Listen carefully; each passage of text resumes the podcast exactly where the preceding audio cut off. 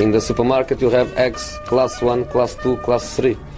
And some are more expensive than others and some give you better omelets. That's the wrong information. Wrong, wrong, wrong information. I didn't say that. That's the wrong information. Do you think I'm an idiot? Wrong, wrong, wrong information. Now look at me when I talk to you. Your job is to tell the truth. Sillypodden tillbaka, det är ny vecka och eh, det innebär ju också att vi har ett nytt avsnitt av denna Sillypodd som ju rullar på lite på väldigt frekvent nu för tiden och eh, inte alltid då helt fokuserat på Silly i och med att vi har en så pass unik fotbollssommar som vi ändå har. Nu har vi ju faktiskt en liga som har spelats färdigt. Det är den första nu. Bundesliga blev klar nu i helgen och dessutom jättemycket tyskar som ryktas hit och dit i detta transferfönster. Så då passar det väl bra att eh, bjuda in Kevin Bader till gäststolen. Hur, hur är läget Kevin? Jo tack, det är bra. Man har ju verkligen fått njuta av fotbollen de senaste dagarna men jag som följer den tyska fotbollen lite extra är det lite småbittert på ett sätt att det, det, är över nu för säsongen. Men då får man väl fokusera på annat gott och blandat ute i fotbollsvärlden. Det är inte nu du tar semester istället efter att ha fått eh, kriga på här nu under hela juni med och slutet av maj och alltihopa. Jag tänkte, jag, jag kör eh, juni, juli ut och sen tar den där första veckan i augusti när det inte spelas någon fotboll alls förutom i allsvenskan då. Då, då tänkte jag, då kan jag ta en liten kort semester för att sen ladda upp till den där CL-turneringen som kommer Just spelas det, den, i, ja. i Portugal. Så eh, det, det är min plan i alla fall, så att man håller koll på det mesta. Har du sett att det ska bli Nations League efter det också i september? Har de redan planerat in och bokat. Jag förstår inte hur de har tänkt där. Alltså, det var det, 5 september ska det svenska Mm. landslaget möta Frankrike. Full omgång Nations League. Man undrar ju om Uefa då bara kallt räknar med att alla bara ska åka runt i Europa som att ingenting har hänt då. Att, ja, Ja. men det är väl inget problem för eh, Makedonien att åka iväg på bortamatch i Fär... Ja, nu är inte de i samma division, men liksom Färöarna säg. Att liksom Mm. alla ska åka hit och dit plötsligt. Jag, jag vet inte riktigt hur de har planerat det här. Eh, fascinerande, men det är väl preliminärt antar jag. Men eh, innan vi går in på hösten, vi kan väl stanna i Tyskland och Bundesliga. Det avgjordes nu i helgen. Eh, ligatiteln, den var ju redan utdelad till Bayern München egentligen på pappret. Vi kan börja där, vi har inte pratat så mycket om det heller här. Bayern München, mästare. De gör det ju inte spännande, den här avslutningen på säsongen. Det kan man ju inte klandra dem från att göra. Vad, vad säger du om Bayerns säsong? Ja, Jag tycker ju de- den startar extremt knackig med tanke på Niko Kovac som fortfarande är tränare då men sen Hansi Flick tog över i höstas har det ju verkligen bara gått spikrakt uppåt. Och hela laget har ju verkligen utvecklats under honom och framförallt de här ledargestalterna i Thomas Müller och Jerome Boateng, de spelarna som man kanske hade trott har gjort sitt, visade verkligen framfötterna nu under resterande säsong och jag tycker det är häftigt att se hur det här maskineriet trots så många titlar och trots kanske lite äldre spelare ständigt bara levererar och är hungriga. Thomas Müller som jag nämnde precis, han slog ju till och med assistrekordet i Bundesliga Eh, och eh, har visat en riktigt fin form. Man har Lewandowski som eh, är den utländska spelaren som har gjort flest mål under en och samma säsong. Han föll dock bakom Gert Müllers rekord som ligger på 40 mål under en säsong. Kära Gert Müller får hålla kvar vid det rekordet men det är bara att applådera för Bayern München vad de åstadkommer gång på gång. Och bara för att understryka den här dominansen om man ska göra det ännu mera. Bundesliga som vi känner till det i dess form sen, eh, finns sedan 1963. Ja. Bayern München har vunnit 29 titlar. Resterande lag har vunnit 28. Eller Ja, de har vunnit fler än samtliga lag sammanlagt alltså, i den här Yes, Bundesliga-formen. Ja. Det förvånar ju inte att höra, kan man ju säga, med tanke på att man är så van vid att se det här Bayern dominera år ut och år in. Vi har ju sett vissa uppstickare, vi har sett Dortmund och det var ju Wolfsburg någon säsong också Mm. och så vidare. Stuttgart var det väl också till och med som var uppe och petade Mm. någon gång. Men Ja, Vad är förhoppningen? Det känns ju på något sätt, även om Dortmund har den här otroligt spännande unga generationen på gång, så är det ju många som ryktas bort där till nästa säsong. Man avslutar ju för övrigt säsongen på förvånansvärt svagt sätt torska med 0-4. Andrei Kramaric gör fyra mål på Westfalen stadion och skickar då ja, Dortmund till ganska tråkig semester då med ett sånt resultat. Men finns det någon chans för Dortmund att kunna hota Bayern nästa säsong? För Bayern ser ju ut att ändå också förstärka det här laget under nu, fönstret som väntar. Oh, ja. Ja, det, det är ju självklart svårt att se. Jag tycker eh, Olle Hunes för detta Bayern München-presidenten eh, gick ut och sa att de andra lagen måste börja steppa upp. De måste börja jobba ännu hårdare. Det är inte så att Bayern München kommer gå halvfart härnäst. Och det är väl återigen ett tecken på att eh, Bayern München, de, de vill ju dominera, de vill ständigt vara längst upp och de vill ju också göra det på den europeiska planen. Men sett till konkurrensen inhemskt, ah, jag, jag tycker Dortmund har ett fint lag, jag tycker de har väldigt bra spelare. Jag är dock inget stort fan av Favre. Nu sägs det dock att han kommer förmodligen få förtroendet att fortsätta även nästa säsong. Han har ju gjort det bra, han har ju poängmässigt varit en av de bästa tränarna som Dortmund har haft, men jag tycker ju att han inte har det där sista. Han har en historik att ständigt vika ner sig när det gäller som mest, till exempel som förra säsongen när Dortmund ledde med nästan 9-10 poäng framför Bayern München och Bayern München inte alls spelade bra det slutade ändå med att Bayern München tog titeln för att de inte kunde hålla upp det hela.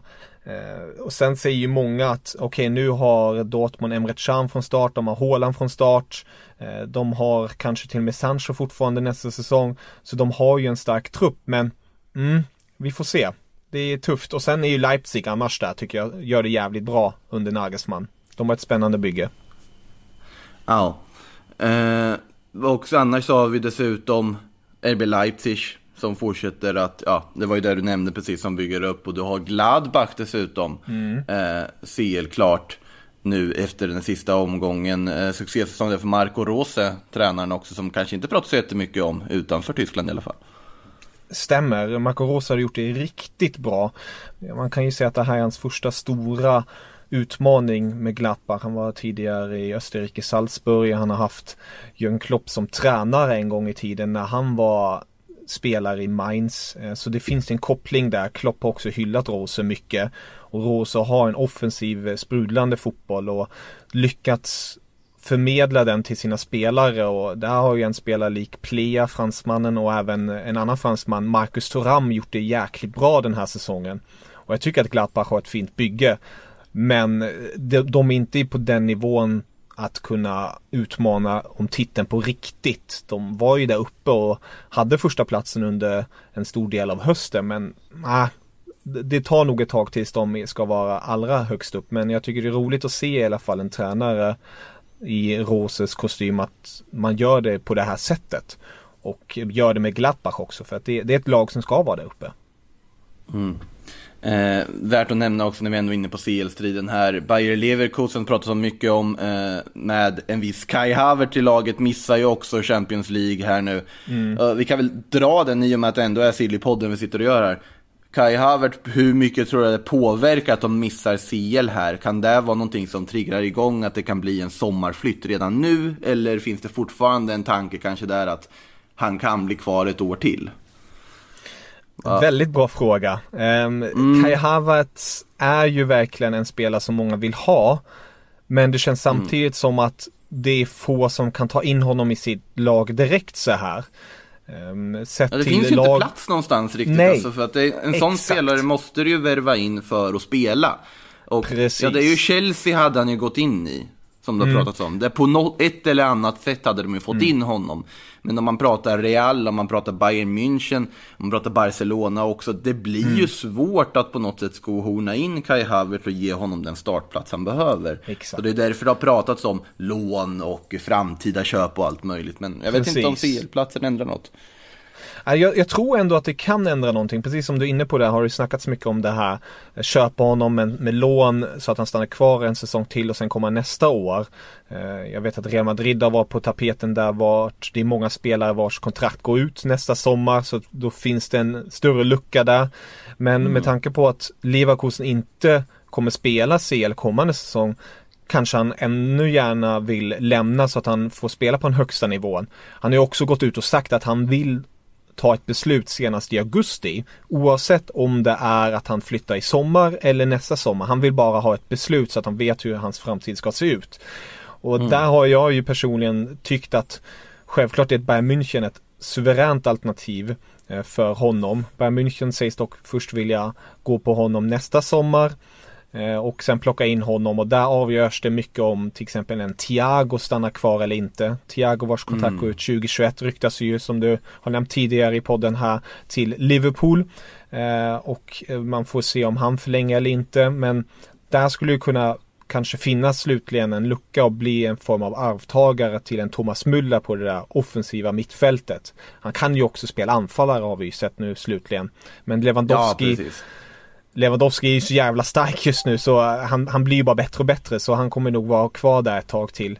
Eh, Men eh, United tycker jag ändå, eh, sett till om han var tvungen att gå till en klubb nu, då tycker jag ändå att han borde gå till United. Med tanke på att han då skulle få den där höger ytterpositionen.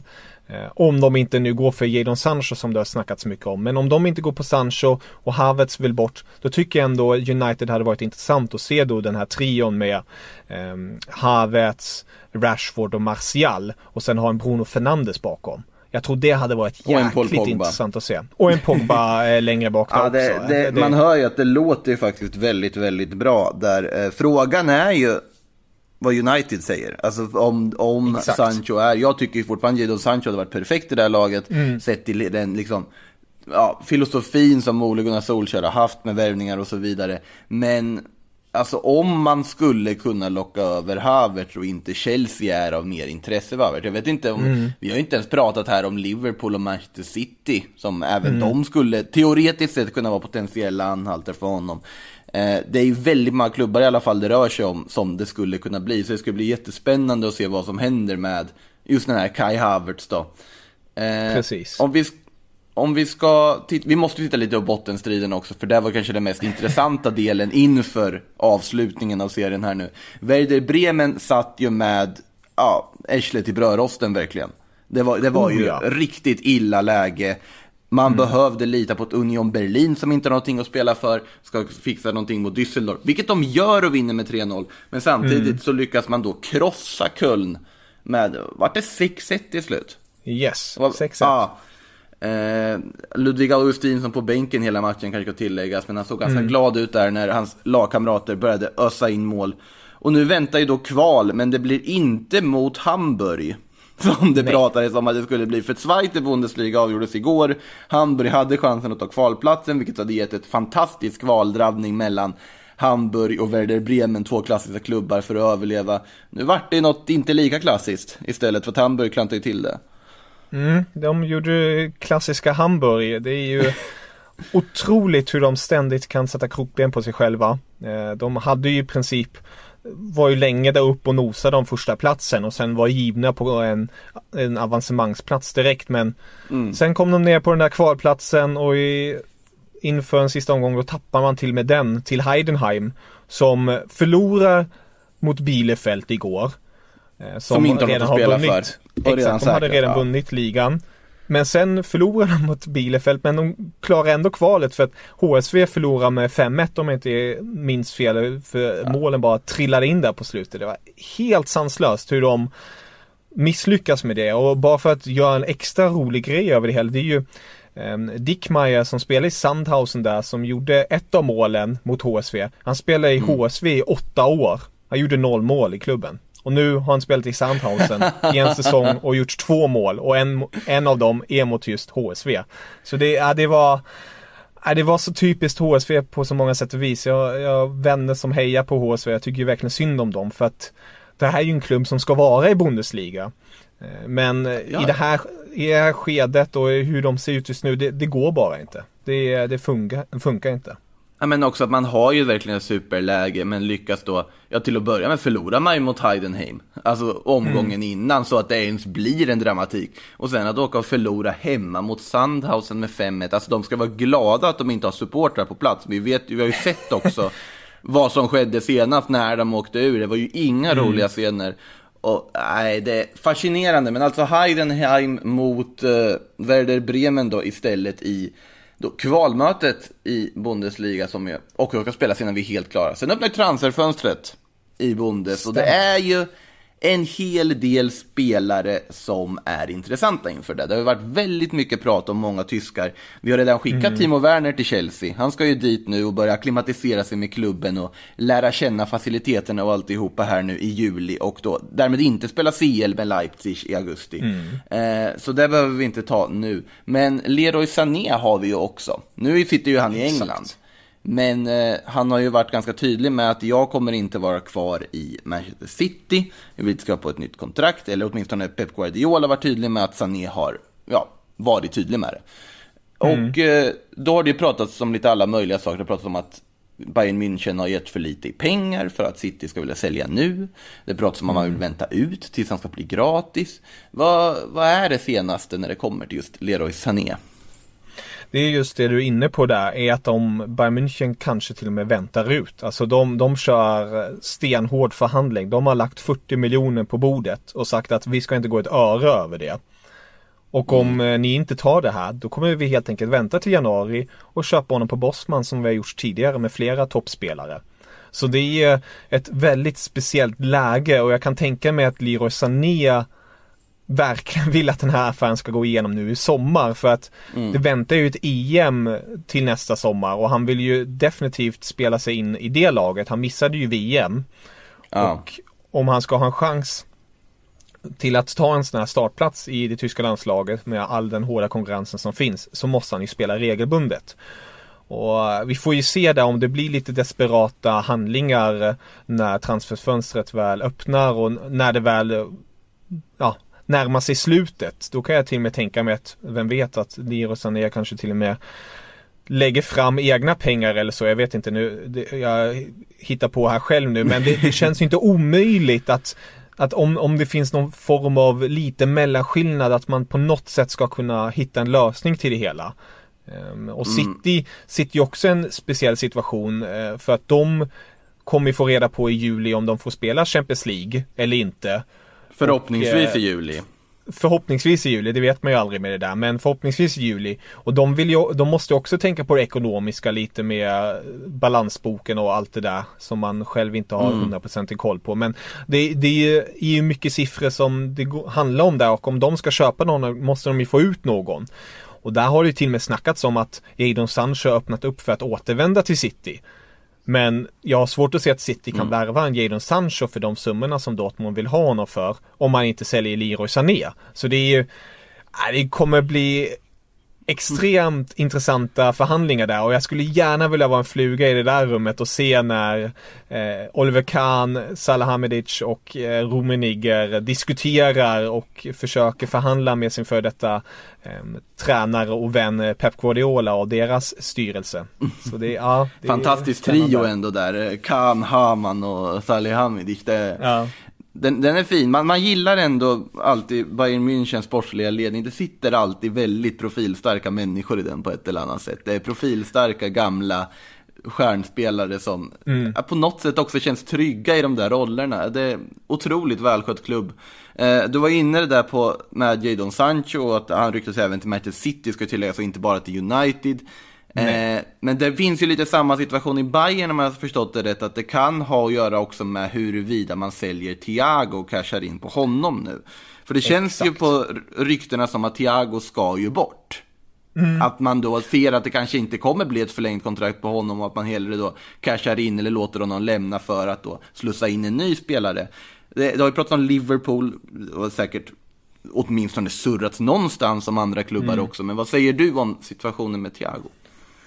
Jag tycker det är, alltså det måste understrykas att Thiago, i alla fall enligt mig, är en av världens bästa spelare på sin position. Det, det är få Ja. spelare som har den sortens Ja. bollkontroll, den sortens eh, elegans på planen. Och tyvärr glöms han ju ofta bort på grund av att han spelar i Bundesliga här i Sverige. Men ändå, sjukt nog, tycker jag att skulle Bayern få ett bra bud för honom, då tycker jag att man ska släppa honom. För att Bayern München, vad de håller på nu med Flick, det, funkar även utan honom. De har Goretzka och Kimmich som gör det jäkligt bra. Om han, Thiago, går då, då kan de få in en Havertz också i ett mittfält på ett annat sätt. De har eh, unga Förutsatt att de kan pengarna för att värva Havertz ska ju tilläggas här också. Exakt, exakt, det måste tilläggas.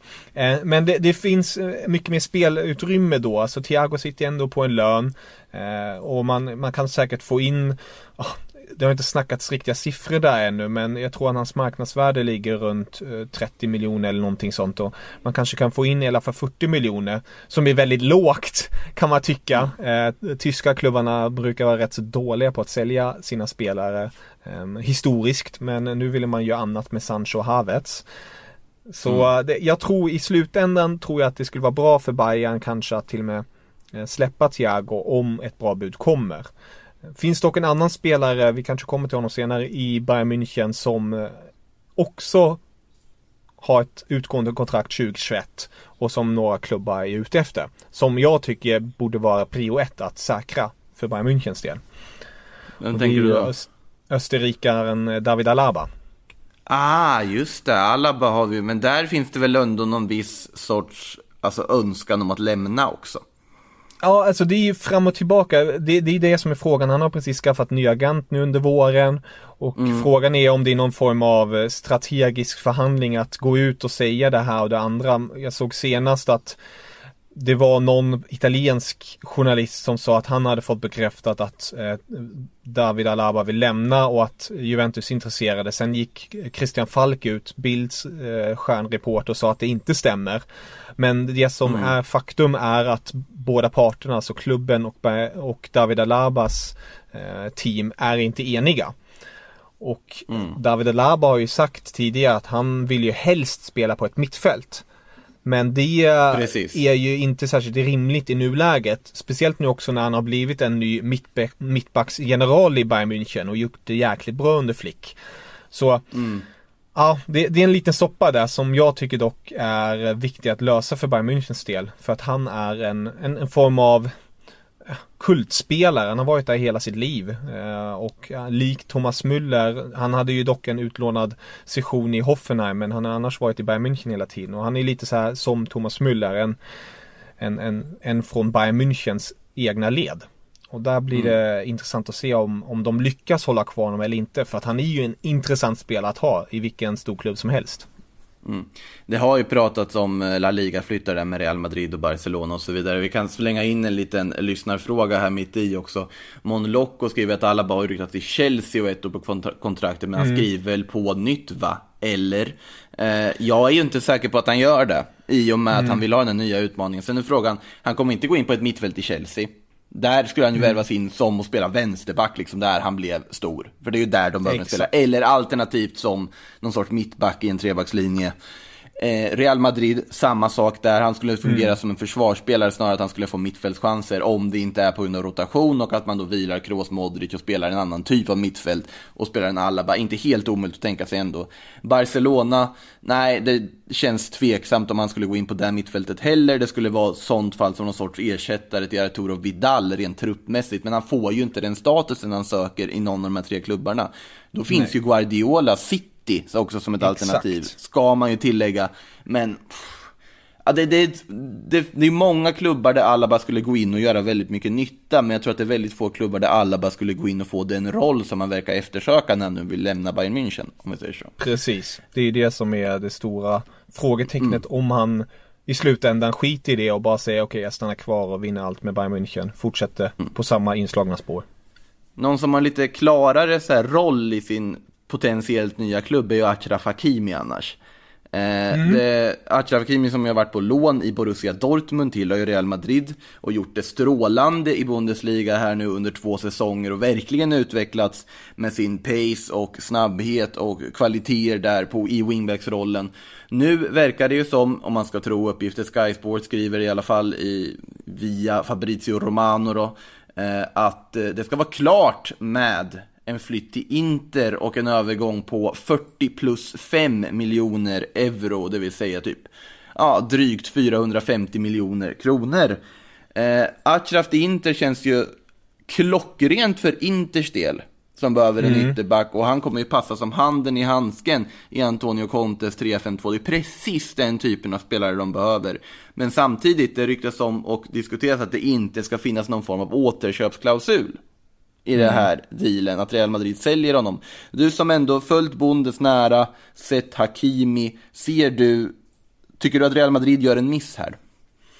Jag tycker väl man gör miss i att man inte får in den här så kallade återköpsklausulen. Nu är inte jag någon jurist och jag vet inte hur svårt det är att få in sådana men med tanke på vad Hakimi har åstadkommit så tycker jag att han är definitivt en oerhört intressant spelare. Han har ju nästan spelat som en form av ytter i Dortmund en Precis. lång period. Och jag förstår ju Zidans tanke då för att han, ha, Hakimi passar ju inte in i en fyrbackslinje. Man kan dock dra parallellen till Marcelo som är i princip också en form av ytter. Eh, Men då, då, då hade det varit väldigt svårt att se både Marcelo och Hakimi på varsin kant. Då hade man fått eh, lite försvarsjobb där. Men man skulle kanske Ja. balansera, kunna balansera upp det för man har ju en Mendy också på vänsterbacken och Marcelo kommer till åren. Så jag är lite förvånad ändå att man, man släpper honom och också för den summan för att det här är ju en, en spelare som kommer leverera på den absoluta toppnivån en lång tid framöver.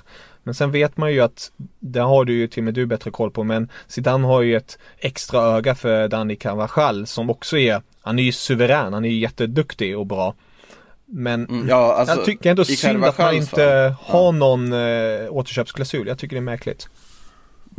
Det som eh, det rapporteras om är ju att Hakimi ska ha velat ha någon form av löfte om speltid, något som Real Madrid inte kunnat ge just i och med att Carvajal sitter på den där högerbackspositionen. Och då har han då blivit intresserad av eh, Conte och projektet i Inter. Eh, jag håller ju med dig där att i en fyrbackslinje känns ju Hakimi som att hans defensiva egenskaper är ju inte tipptopp. Och att sätta Marcelo och Hakimi på varsin kant. Nu spelar ju Real Madrid med väldigt offensiva ytterbackar som är väldigt involverade i spelet. Carvajal är ju också där, otroligt involverad i uppspelfasen, i uppbyggnaden av spelet på liksom offensiv sista tredjedel också. Men han kan ju jobba hem. Ja, Carvajal alltså, Marcelo vet ju inte vad jobb är för någonting, men det, det hör till på något sätt i paketet. Men det blir ju obalanserat, men samtidigt, ja, jag tycker också att det skulle fin- man skulle ha kämpat för någon form av återköpsklausul, åtminstone med tanke på hur man tidigare lagt väldigt mycket pengar på högerbacksreserver som inte har levererat, säg till exempel Alvaro Odriozola, som man la nästan lika med, ja nu kostar väl han 30 miljoner euro typ ungefär, men det är inte jättestor skillnad på vad man nu säljer Hakimi för, som på något sätt har varit anledningen till att man har värvat in spelare hela tiden, för vi vill ha en backup till Carvajal. Nu har du ingen backup till Carvajal förutom Nacho och Lucas Vasquez då, som ska fungera som någon sorts extra högerbacks backup ifall det krisar. Men en allvarlig skada på Carvajal och det finns ett rejält hål där. För att Nacho tycker jag är en jätteunderskattad spelare, men han funkar ju inte riktigt i att börja stå och mata inlägg från högerkanten, vilket ja, Real Madrid väldigt ofta gör med Carvajal på planen. Så att, eh, ja, intressant. Vi får se om det där blir officiellt förr eller senare också. Det är, rapporterna i Spanien säger att Inter inte ens har lagt ett bud än. Men vi får väl se. De, de på Sky brukar göra ganska rätt också, så att det verkar väl ändå som att det är någonting på gång där. Eh, Oh ja. Sam, samtidigt i, eh, så pratas ju väldigt mycket just nu om en viss Artur och en Miralem Pjanic. Eh, vi var inne på det förra veckan här också, att det närmade sig då med den här bytesaffären då som ska balansera Barcelonas böcker.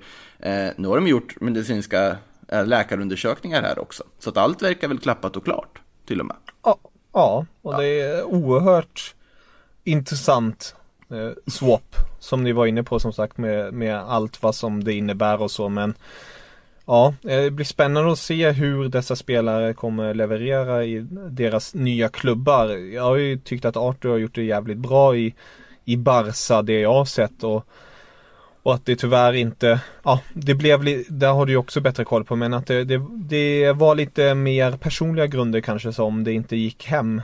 Eh, Snackades om Messi att han inte var stort fan av honom eller så, jag vet inte om det är det Ja, klassiska fast ryktena det, kring det hela. det är ju i och för sig med alla spelare som något lämnar så kan man ju koppla in Messi i det och säga. Jag tror att i det här fallet så är det, det är Barcelona som behöver balansera böckerna. Artur har inte alltid kommit helt överens med tränaren, alltid inte fått speltid, han har haft vissa skadeproblem och vissa problem utanför planen. Men sett till vad han gjorde när han kom in första säsongen, det är en av få lyckade värvningar som Barcelona faktiskt gjort med den här sportsliga ledningen. Det är en spelare som Messi också hyllat, som, men det här är ju precis den typen av spelare Barcelona ska ha. Och att då i det här läget när man ska föryngra eller behöver föryngra, att göra det här bytet för att balansera upp för ja, korkade värvningar man gjort tidigare, om vi ska uttrycka det så krasst. Så det är en underlig, konstig situation. Nu tror jag att Miralem Pjanic, även om han har varit lite sådär i Juventus den här säsongen, det är ändå en spelare som på något sätt passar i Barcelona med sin alltså, intelligens och förmåga. Han kommer inte få slå så många frisparkar i Barcelona när Messi slår dem. Men han kommer säkert leverera både mål och assist och allt möjligt för klubben. Men det är ju inte långsiktigt. Det är en underligt byte att göra och Artur kommer ju, alltså han kommer ju vara helt perfekt för Sarri i Juventus. Han kommer ju sitta ja. där och vara helt briljant. Och vi kommer ju prata om Artur som en av de bästa på sin position där borta. Det är jag helt övertygad om. om. Men man har varit övertygad om att Di Maria skulle åka till Premier League och göra kaos en gång i tiden också. Så det är inte alltid man har rätt, ska ju tilläggas. Eh, vidare Kan jag då. bara slänga in här Ja. kort eh, när du ändå är inne på Barca så. Eh, jag ser precis en, i detta nu när vi spelar in att det är uppgifter som säger att Barcelona har eh, enligt Goal tagit ett Oh. beslut inofficiellt att eh, Ursäkta mitt uttal, Quickie Setien får lämna Barcelona efter säsongen. Att Kike lämnar. Eh, Det har ju kommit lite uppgifter i spansk media om att spelarna ska tröttna på Kike Setien och att man ser samma tendenser ungefär som var början på fallet för Setien i Betis.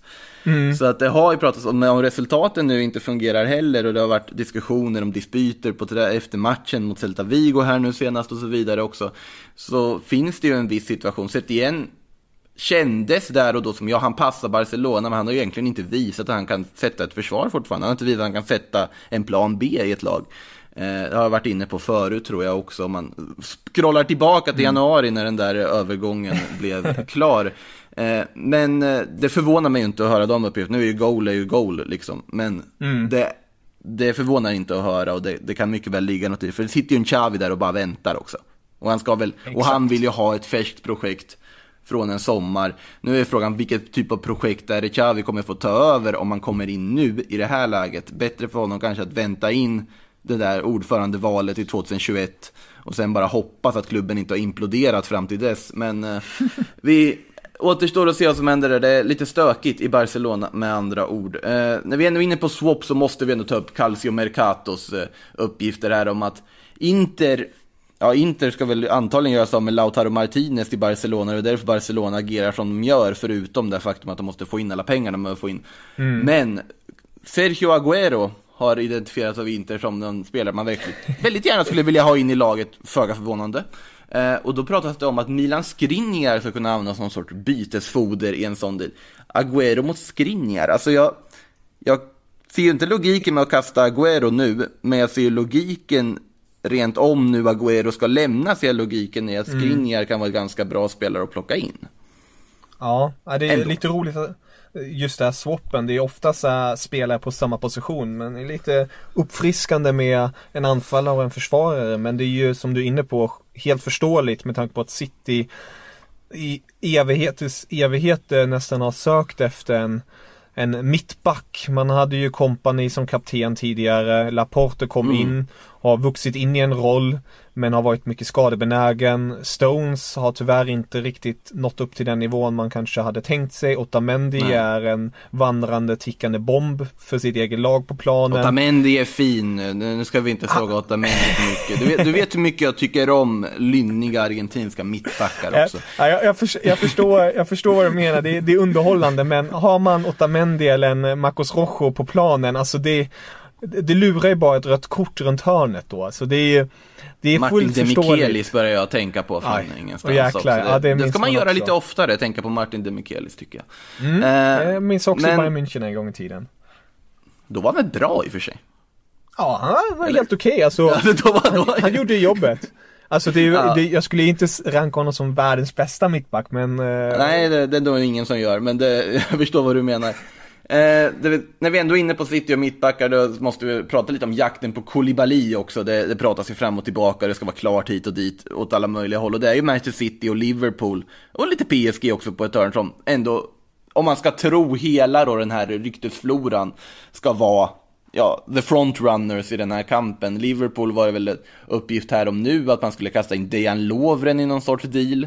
Fascinerande om De Laurentis hade tyckt att det hade gått bra. Tycker inte för Dejan Lovren är underskattad måste jag faktiskt säga, men eh, ja, City Liverpool, om du var Koulibaly, om vi vänder det på det här, vad hade du valt ja. i det här läget?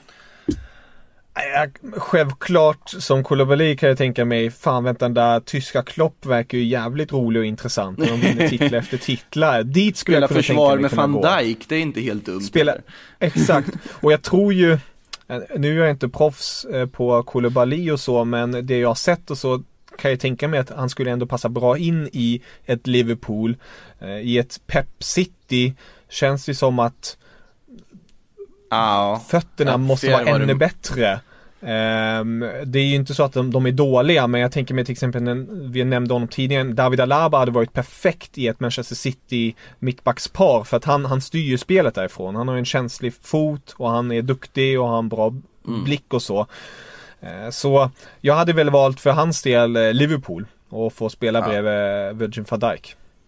Håller med dig där helt. Eh, innan vi går in på lite lyssnarfrågor så har vi väldigt många kontrakt som går ut. För det är ju faktiskt så att imorgon när vi spelar in nu, 30 juni, det är ju då väldigt många kontrakt i fotbollsvärlden går ut, men vi har ju en väldigt konstig fotbollssommar också som innebär att det är bara Bundesliga där kontrakten då lite fritt kan gå ut och ingen bryr sig. Här i de övriga ligorna så spelas det ju fortfarande fotboll, eh, om man bortser från ligan som då som sedan tidigare är inställd. Eh, och då är ju en av de spännande pratat om lite Robin Olsen, vår svenska landslagsmålvakt. Och där är väl uppgiften i Italien att han faktiskt ska lämna Cagliari nu mm. när hans lån avslutas. Och detta är på grund av att Cagliari, då om man ska tro Gazzetta dello Sports uppgifter, att Cagliari ska vara skyldiga att betala Roma lite extra pengar, det vill säga 9,4 miljoner Exakt. kronor, om Olsen spelar 18 ligamatcher. Och Olsen har spelat 17. Precis. Och är ju inte mm. heller det självklara första alternativet i klubben eftersom att du har Alessio Cragno som är tillbaka från skada. Eh, Olsen verkar alltså lämna i det här läget då för, för, från Cagliari. Då tänker jag, vart ska vi placera honom? Det har pratats om Sporting Lissabon och Portugal, det har pratats om Turkiet. Vad, vad är nästa anhalt för Robin Olsen? Jag skulle väl eh, rekommendera att kanske gå till en liga som är lite mer stabil um, och vart det inte är lika händelserika sportcheferier eller klubbägare eller tränarskiften. Uh, så på grund av min härkomst så säger jag ju direkt varför inte kika mot Tyskland och titta om, om det finns några möjligheter där. Jag vet att Eh, Schalke till exempel, de förlorade sin eh, målvakt Vill man verkligen till Schalke i det här läget? alltså, bra bra koppling, jag tänkte precis säga, vänta, nu när jag säger allt det här med konstiga klubbar, då kanske man inte ska nämna och, Schalke. Ja. jag tar tillbaka Schalke, men eh, no någonting eh, lite mer stabilt i hans läge och jag kommer inte på någon klubb så på rak arm. Alltså de stabila klubbarna i Tyskland har väl bra målvakter? Alltså, jo, det är ju så. Ja. Exakt. Jag vet inte om man ehm, skulle så... kunna konkurrera ut en eh, Rune Jarstein i Hertha till exempel. Mm. Alltså de Kanske är ju framförallt ute efter en Jo, ja. de, de är ju framförallt ute efter en anfallare vet jag, men det har också snackats lite målvakt så varför inte? Eh, de är ju lite extra sugna på internationella spelare som har någon form av USP. Nu vet jag inte hur mm. stor USP eh, Robin Olsen har, men han är ju ändå svensk landslagsmålvakt och kommer spela ett EM med största sannolikhet, så bara det mm. ger ju väldigt mycket. Eh, så varför inte Hertha Berlin? Eh, även det de känns... har ju haft det väldigt turbulent, ska understrykas, men... Men där finns en satsning och där finns en framtidstro. Yes. Det är ju Exakt. där. Eh, Hertha Berlin slänger Sillypodden därmed ut som ett potentiell anhalt för Robin Olsen. Får se om han lyssnar på detta. Eh, när vi ändå är inne på Hertha Berlin, Salomon Kalou, den gamle mm. liraren, hans kontrakt går ju ut också. Och då sägs ju Botafogo vilja värva honom och det ska bli Brasilien. Och då får han spela med Keisuke Honda, bara en sån sak. Eh, Nej, vad... det är mäktigt. Hur bra är Kalou nu för tiden?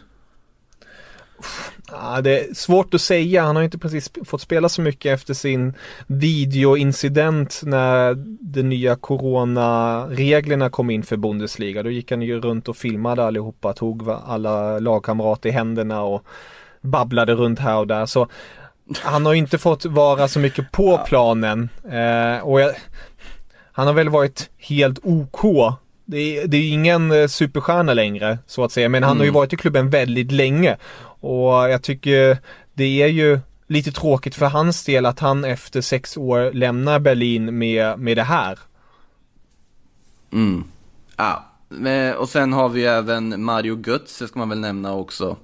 Mm, Som, nu måste jag tänka, fanns det inte någon, nu blev jag tänkte Hertha Berlin Mario Götze, det var ett rykte va? Det var ett rykte förut vart det snackades om att eh, Klinsmann skulle plocka in ryktena och verkligheten, du märkte jag där. Ja, det, det, det, det är lätt. Men Hertha Ja. Berlin snackades om att de skulle plocka in Draxler och Mario Götze och, och Kevin Ja, Prince. Boateng och ja, Oj, göra oj, ett oj. nytt starkt bygge där så. Men det är svårt att säga vart Götze hamnar. Det har ju snackats mest om Italien den senaste tiden. Både Roma och Lazio har varit på tapeten där. Men det var för ett Mm. Milan par veckor sedan. Och Milan också. Men Med. Senaste, exakt. Men senaste har varit, alltså det har varit rätt så lugnt ändå. Eh, han har ju precis fått barn. Eh, han har inte spelat de sista matcherna på grund av att han har varit ut och in ut sjukhus och då kunde Mm. han inte riktigt hålla sig till coronareglerna för Bundesliga så jag tror att han kommer ta det nog rätt så lugnt och ta ett väldigt förståndigt val härnäst med tanke på eh, utökningen i familjen. Mm. Eh, vidare då till lite lyssnarfrågor här kanske. Vi har fått in några eh, på tal om eh, Tyskland och spelare som ska bli kvar eller inte. Mattias Dahlin frågar Emil Forsberg har ju många gånger ryktats ut från Leipzig men är kvar. Min känsla är att han är lite för dålig för Bayern. Bayern? Ja, jag tror att han menar eh, Ja, nu undrar jag vilket Bayern han syftar på, men i alla fall. Men finns det någon annan rimlig destination för honom eller blir han kvar? Eh, Det känns ju för min del som eh, inte följer Bundesliga supernära att med Dani Olmo och så vidare i den klubben och också den statusen som RB Leipzig på något sätt fått nu så blir det väl ganska svårt att alltså, få speltiden han söker, eller? Ja, definitivt. Nu fick han spela de sista matcherna lite mera men jag tycker att han har gjort sitt i klubben. Eh, han har varit där väldigt länge och blivit en form av eh, inte kultfigur kan man inte säga men han har gjort det jäkligt bra och hyllas väldigt mycket men med tanke på det senaste halvåret och hans skadebenägenhet de senaste åren så borde han verkligen lämna för att ha mer speltid inför ett EM för Sverige då. Och det är snackats då om att han är sugen på England men då har jag svårt att se att det skulle vara någon stor klubb där. Det skulle vara någon mindre klubb. Eh, Det känns som en klassisk West Ham-värvning som värvar lite allt intressant då och då. Eh, Om de, om de nu skulle vilja det.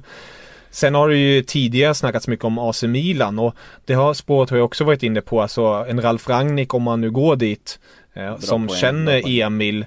Då känns det som att den värvningen inte känns helt omöjlig. Sen är dock frågan om hur mycket de begär. Jag tror att det var 20 miljoner eller någonting sånt som är aktuellt. Ehm, Men ja, jag tycker ändå att han borde lämna för, för allas bästa. Eh, ska se här. Urban Westerberg frågar Everton behöver ny innermittfältare. Vilken innermittfältare i Bundesliga skulle passa bäst i Everton som är rimlig prismässigt och så vidare. Och här har kontot Tysk Fotboll slängt fram Pierre Kunde Malong som ett alternativ. Eh, jag vet inte om du håller med om Pierre Kunde Malong till Everton, det hade varit någonting, eller om det finns något annat mittfältsnamn. Jag tänker ju en Dennis Zakaria, men jag vet inte om Everton ens har pengarna för att konkurrera med en sån spelare. Nej, Alltså två bra spelare som ni nämner här. Malong hade ju varit jäkligt kul att se. Zakaria är ju kanske på en hylla över med tanke på att han, ja, det är många storklubbar som är ute efter honom. Nu är han ju dock skadad och, eh, och ehm, det Och blir får spela svårt där. CL med Gladbach om man är kvar, ska väl också tillägga. Exakt, så det, det är ju mycket där just nu. Ehm, Mm. Så vi, vi, får väl, vi får väl se kring det hela hur, hur det blir där men Everton, ah, jag tänker väl att det, det finns många intressanta mittfältare i Tyskland. Eh, Om man stannar kvar i Gladbach finns det ju en spelare som Neuhaus, en kreativ mittfältare. Men även där är det ju svårt att kanske locka till sig en sån spelare som får spela CL i ett Gladbach. Ehm, det är, ja, jag tänker precis. Det finns ju ganska många olika, jag tänker det finns väl lite österrikare och sånt också lite överallt som, Mm. är, ganska, ja, det är ju, som är duktiga också. Eh, många ja. mittfältare som är lite under radarn men som säkerligen har gått in i typ Everton eller något bra Premier League-lag och verkligen levererat. Oh ja. Oh ja. Eh, ja, Johannes här frågar, lämnar Sancho Dortmund och i så fall, vem blir ersättaren? Eh, jag tror ju Sancho lämnar Dortmund. Eh, och jag tror att det blir Manchester United förr eller senare. Det här är mest en magkänsla, så att det finns inget skäl för det. Eh, mer än alla rykten och hej och hå också. Men eh, ersättaren till till Sancho i Dortmund då? Ja, Ferran Torres har det pratats om. Eller finns det några andra namn som dykt upp på tapeten? Det är ju framförallt Torres då, men jag tror de har redan nästan en ersättare i klubben redan nu och det är Giovanni Reina. Eh, Ah. Den unga multikulturella spelaren som har lite pass här och där, både England och, och. Amerika och... Men han, han föddes ju om ett helt ute och cykla i Leeds i England och sen har han spelat nu för eh, amerikanska, USAs då, eh, u landslag och Det genom är den dem. gamla amerikanska landslagsspelaren Claudio Reinas son. Exakt. Och han tror jag definitivt kommer ta eh, flera kliv framåt härnäst och kanske då steppa in i Sanchos frånvaro. Och sen är det ju också en oerhört intressant spelare som kommer få spela mer med A-laget härnäst. Nämligen Yusuf Mokoko. Ett namn man ska ha på näthinnan. Hur, hur Den gammal har han hunnit bli nu? Han är 15 bast eh, och det fascinerande och fantastiska är ju att Bundesliga har ändrat sin regel nu att man behöver bara vara 16 år för att spela i Bundesliga. Så när Mokoko fyller 16 i november ska han då spela för A-laget också. Han ska börja träna nu mer regelbundet med A-laget. Och med tanke på hans stats, jag tror att det är, han har, kan, nu har jag inte det i huvudet, men jag tror han har typ gjort 50 match för eh, U17-laget och gjort typ 98 mål. Alltså det är så här orimligt höga snittmål om man säger så. Men det är en spelare som definitivt kommer få sin chans där. Så offensivt sett tycker jag ändå att Dortmund har det väldigt bra just nu. Självklart eh, går det inte att bara ersätta en Jadon Sancho rakt av sådär som har gjort det så jäkla bra. Han, han har ju både levererat assist och mål tvåsiffrigt den här säsongen. Och det, det gör inte vilken tonåring slash 20-åring som helst. Ska vi ta en sista fråga innan vi avslutar detta för idag. Eh, Linus Norman frågar, kan Messi fortfarande lämna gratis i sommar för så som Bartomeu har behandlat Barcelona senaste tiden? Förtjänar han det? Eh, det ska nog väldigt mycket till för att Lionel Messi ska hoppa ifrån det där skeppet. Eh, han kommer nog stå där tillsammans och liksom fastvirad på masten rakt ner i avgrunden innan han väljer att lämna den klubben. Det tror jag i alla fall. Det ska till extremt mycket mer än att du byter, in, byter bort Artur mot Pjanic för att Lionel Messi ska lämna Barcelona. Eh, med det sagt, Jättekul att ha dig med här Kevin. Sedvanligt ett nöje att prata med dig. Eh, man kan ju följa på Twitter va? Kevin Ja. understreck Bader är det väl där? Om man vill. Stämmer alldeles utmärkt. Hos våra kollegor på Fotbollskanalen är du ju också vanligtvis och bloggar och så vidare. Så om man vill titta in där också så finns du även där. Eh, Sillypodden, den rullar vidare. Vi får se när den eh, rullar tillbaka in i studion igen, men den fortsätter precis som fönstret, även om Bundesliga då, första ligan, som nu har avslutat efter coronauppehållet. Eh, vi hörs, ha det gott, hej då!